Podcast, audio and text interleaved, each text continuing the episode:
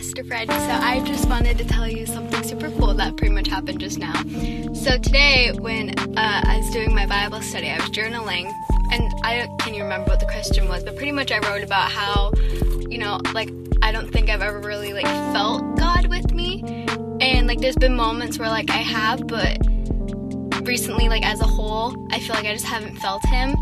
And today, when I was driving home from babysitting um, the kids that I babysit, I was like, okay, I'll just listen to this random podcast. It seems cool. And it was literally exactly about like, what do we do when, you know, we're doubting our faith or we're not feeling God? And I was like, okay, uh, this is literally everything I needed. So yeah, I thought that was just super cool today.